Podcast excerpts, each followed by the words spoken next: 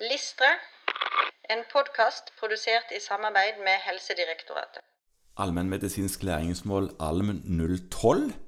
Selvstendig kunne utføre sakkyndighetsvurderinger, også for pasienter man står i et langvarig behandlerforhold til. Og allmennmedisinsk læringsmål ALM 013. Ha kunnskap om hvordan behandlerrollen skiller seg fra rollen som sakkyndig, og selvstendig kunne benytte teknikker for å tre ut av allmennlegerrollen og gå inn i sakkyndighetsrollen. Ja. Nå er det to læringsmål her som omfatter litt ulike sider av samme sak. Ja. Men vi slo de sammen fordi de var såpass like. Ja, og Ja. det er vanskelig å snakke om det ene uten å snakke om det andre, tenker jeg. Ja.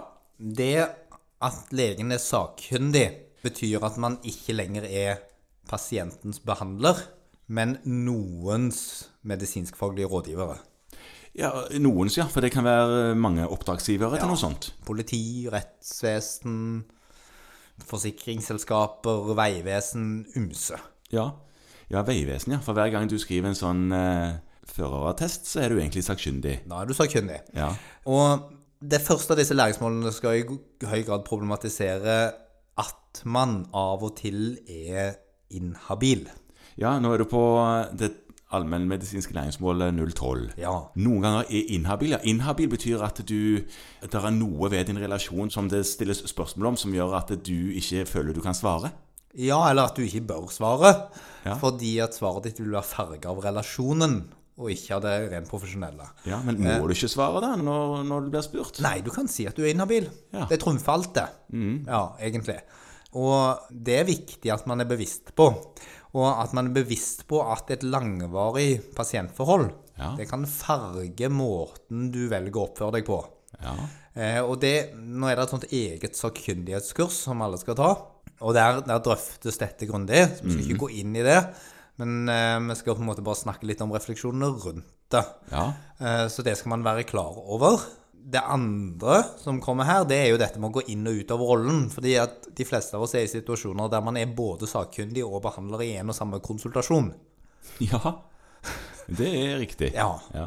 Um, og hvilke teknikker man bruker for å gå inn og ut av det. Altså, man kan jo f.eks. ha en serie med hatter. Du er jo veldig glad i å gå med caps. Altså, Har du en egen sakkyndighetscaps Jeg, kan, jeg, kunne, jeg kunne hatt det. Ja. Kunne hatt det, Sånn at det blir tydelig for pasienten hvem eh, han eller hun forholder seg til. Ja, og der tror jeg du rører i det aller viktigste. Det er nemlig at selv om du forstår at du bytter hatt, Mhm. forstår pasienten det.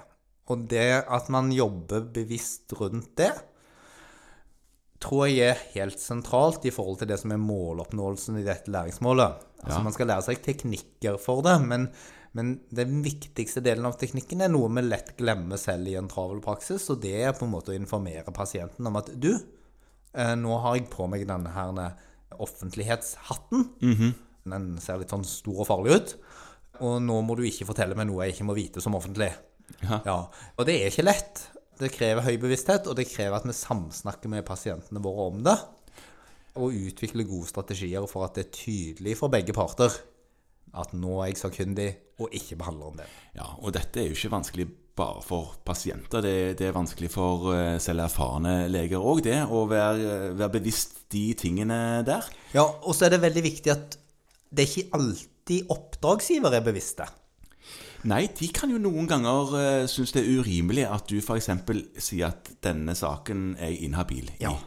Det er noe det som kreves jevnlig refleksjon, og er man i tvil, så diskuter det gjerne med noen. Ja, så det kan òg være lurt å snakke med noen i kommunen, f.eks. helsesjef og sånt, om det. Ja, eller noen i, hos statsforvalteren. Ja, Så- Eller smågruppen din. For dette er jo òg en sånn plass hvor man kanskje i gruppeveiledning òg kommer inn på disse diskusjonene. Absolutt. Mm.